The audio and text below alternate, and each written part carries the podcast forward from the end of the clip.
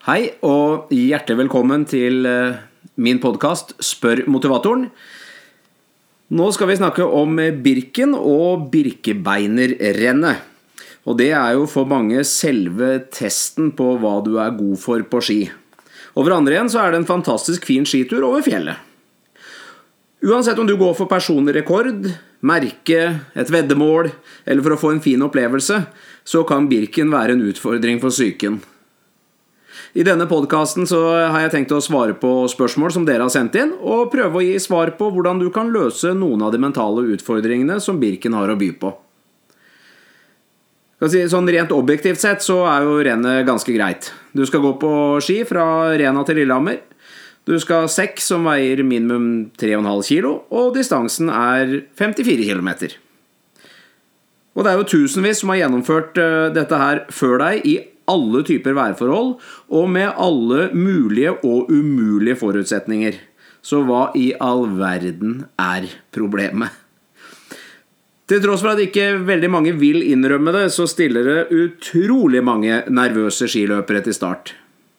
Og det er jo veldig få som stiller i eliteklassen, så de som er nervøse, er altså ikke nervøse for hvilken plass de eventuelt skal få på pallen. Det er andre ting. Jeg har selv gått Birken to ganger. Første gangen i 2013. Og nå skal det sies at kona mi hun har hatt hytte på Sjusjøen siden 1999. Og da jeg fortalte henne at jeg ville gå Birken, så var hennes første reaksjon 'Hvorfor det?' Altså, der stiller det bare idioter som dytter og gjør hva som helst for å slå en kollega eller nabo. Hvorfor i all verden vil du stille opp på det? Og kanskje det bildet på en birkebeiner er grunnen til at mange ikke har stilt til start gjennom årene. Altså, jeg fikk meg skitrener, og så brukte jeg en del tid i løypene den vinteren for å være best mulig forberedt. Og på min tur over fjellet ble jeg ikke knuffet en eneste gang. Faktisk så var folk bare blide hele veien. Og gikk jo jeg selvfølgelig ikke helt raskest, altså jeg var en halvtime bak merket. Så, så jeg gikk i den pulja der, og det er der de fleste går, egentlig. Og der eh, er folk eh, ganske ryddige, altså. Og I 2016 eh, så gikk jeg renn igjen, og den gangen så var det sammen med to damer som hadde vunnet deltakelse gjennom P4s Gledespatrulje, og jeg var da med som motivator.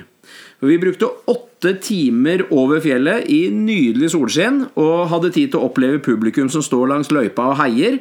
Og mange av de deler ut klemmer, det er nybakte boller, sjokolade og ja, et sted så fikk vi også tilbud om litt sterkere energidrikk, som vi riktignok takket nei til.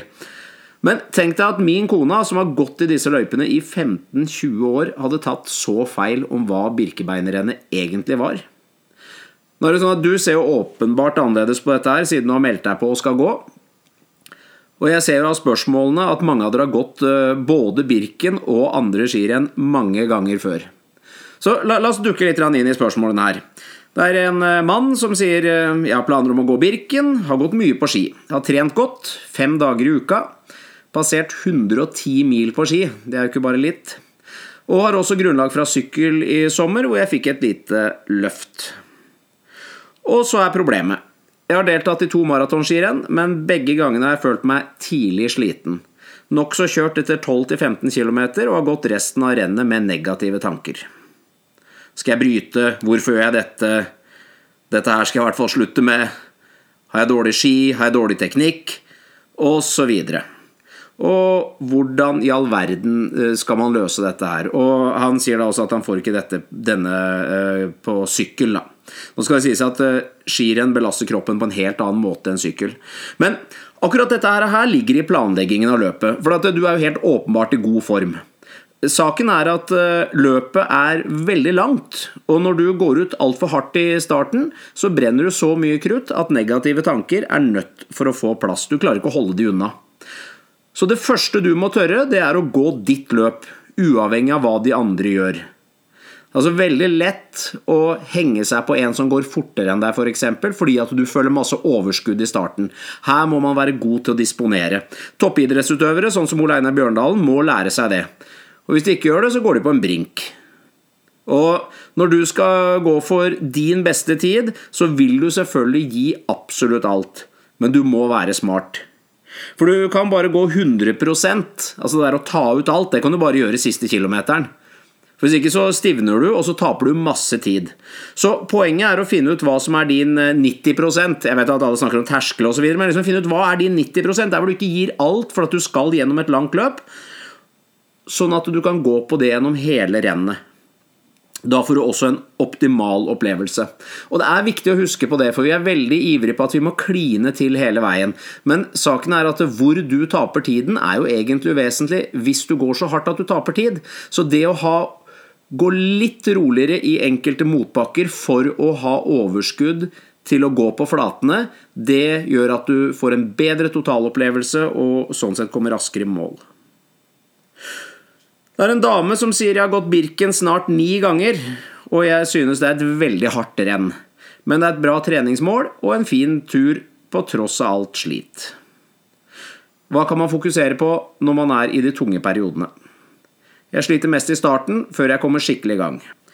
Vel, da er det jo sånn at eh, din fordel og ulempe det er at du har gått dette løpet så mange ganger at du vet hva som kommer. Og ulempen med den kunnskapen her er at du programmerer hjernen til å forvente at det blir tungt og vondt, og med de tankene det medfører. Så for å snu det til din fordel, så må du snu på tankegangen. Du vet at det blir tungt i starten.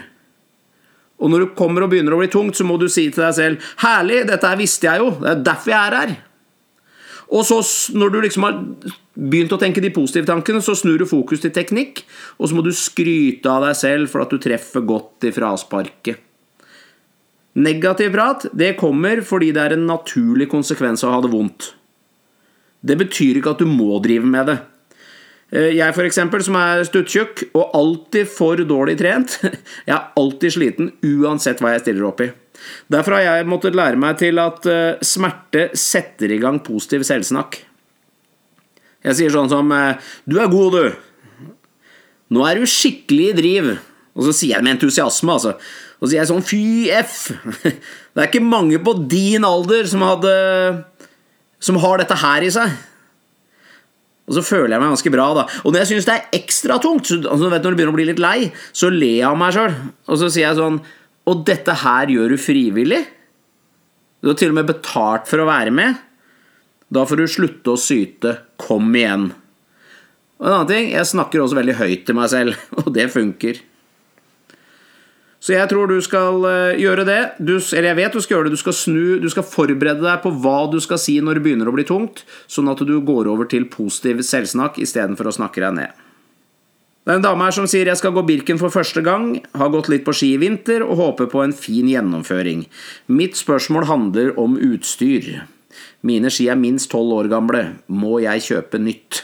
Nei, nei, nei, det trenger du ikke. Selvfølgelig, om du skal vinne, ja, da tror jeg ikke du kommer til å gjøre det bra på, på gammelt utstyr. Men eh, hvis du ikke skal vinne, så er ikke dette så viktig. Det viktige er at du har ski som du syns det er komfortabelt å gå på. Eh, husk på at det viktigste er at du har godt feste når du skal gå Birken, fordi at det er mye motbakker.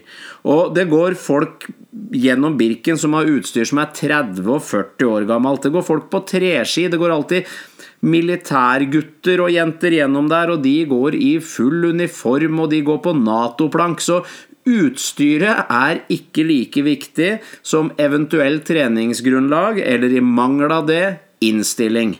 Så jeg syns at du skal kose deg med de skia du har, og så skal du komme deg dit. Og jeg må bare fortelle at det, Første gangen jeg gikk Birken, så var vi så heldige at vi hadde fått eh, overnatting på Rena på et hotell der. Så på morgenen så sitter vi og spiser frokost med masse folk i salen, og så sitter vi overfor et, eh, et ektepar som var i hva kan det ha vært, 55 eh, kanskje. Eh, og de skulle gå da, også, spør vi liksom hvor mye de hadde forberedt seg. Og sånn. Og hun, eh, kona der hadde et kjempedeilig syn på dette. her Hun sa nja, vi var med på Marcelonga i fjor, og etter det har ikke jeg hatt tid til å gå på ski, så jeg har tenkt å gå med den samme smørningen som den gangen. Og så hadde de med seg smørning i sekken, så de hadde selvfølgelig tenkt å ta med seg det til start. Men det er også litt av innstillinga. Det er ikke så viktig. Og når du kommer deg dit, så kommer du til å se at de aller fleste der, det er helt normale folk som har normalt utstyr og overhodet ikke toppa. Skal vi se, Vi har en mann her. Han sier femmila er kjent som den store manndoms, manndomsprøven. Dette er 54 km. Har meldt meg på, men begynner å svette når jeg tenker på hvor langt det er. Er jeg godt nok forberedt? Det spørsmålet stiller alle seg. For det første, femmila er den store manndomsprøven fordi at de går full fart fra start til mål. Men de fleste av oss gjør jo ikke det. Vi har lyst til å få til en fin tur. Er man godt nok forberedt? Vel, det er lurt å hvert fall finne ut av hvor godt forberedt er jeg, og legge opp løpet etter det. Fordi at du er jo ikke du, du, må på en måte gå løpet med de forberedelsene du har gjort. Så hvis du har gode forberedelser, så kan du satse på en eller annen tid som er bra. Og hvis du ikke har, så må du dempe forventningene og gå deretter. Uh, og så tenker jeg det at ja, Kan du gå 1 km på ski? Kan du gå 10? Hvis du kan gå 10 km på ski, så kan du gå 50. Kan du gå 50, kunne du gått Birken uten trening? Ja, selvfølgelig kan du det. Hvis du kan gå på ski, så kan du gå 54 km uten å trene. Det betyr ikke at det blir en behagelig opplevelse, men det kan du. Så du kan stille opp eh, til start i Birken uten eh, å være forberedt. Og nå leser jeg nok eh, av det du skriver, at du har forberedt deg noe. Ergo, du kommer til å få en kjempefin tur. Alt her handler om innstilling. Så er det en her som sier at jeg har hørt at utforkjøringene fra Sjusjøen til Lillehammer er veldig krevende. Spesielt for oss som kommer langt bak. Kan man ta av skiene og gå, eller er det vel pysete? Jeg er veldig nervøs når det går fort. Føler jeg mister kontrollen. Ja, dette her høres ut som jeg kunne ha stilt det spørsmålet der. Jeg er utrolig Eh, dårlig i utforkjøringer, og der taper jeg veldig mye tid. Og ja, de er litt bratte, de utforkjøringene. Og de er, kan, kan, være litt vanskelige når man kommer litt langt bak, fordi at det har blitt kjørt opp veldig. Men hvis man tar det med ro der, så går det veldig bra, og folk er hensynsfulle. Men uh, den gangen jeg gikk uh, med, med, disse damene over, da tok vi av skiene, og så gikk vi ned de bratteste bakkene. Og vi var ikke aleine om å gjøre det, så det kan du ta med knusende ro. Her har du Du går ditt løp og kan gjøre akkurat det du har lyst til å gjøre. Ja, og så har vi nå en uh, mann her som sier 'Jeg får ikke sove de siste nettene før rennet fordi jeg er så nervøs'. Ja, du er nok ikke aleine om det. Og eh, det som er uh, smart å gjøre her, det er uh, å rydde opp litt i tankene. Fordi at eh, du legger deg til å Grunnen til at du ikke får sove, er fordi at du tenker selvfølgelig så mye på løpet som skal skje, og så er, det, er du usikker på om du er godt nok forberedt, om skiene er riktig, og det er mange ting som kan gå gjennom hodet på en. Og dette her er egentlig litt sånn som eh, studenter har det før eksamen. Hvordan i all verden skal jeg klare meg i morgen fordi at man er redd for det ukjente? Vel, jeg pleier å si til eh, studenter når de skal opp til eksamen, at du har ingenting å være nervøs for, for du skal jo bare svare på de spørsmålene du kan svare på. Det du ikke kan svare på, skal du ikke svare på, så det er jo ikke noe problem. Og så sier de ja, men det er jo akkurat det, jeg vil jo så gjerne eh, ha riktig svar på alt. Vel, da ville du ikke vært nervøs hvis du var godt nok forberedt, altså mest sannsynlig. Så dette ligger i forberedelser. Og saken er at de siste dagene før rennet så skal du ikke gjøre noe annet enn å slappe av.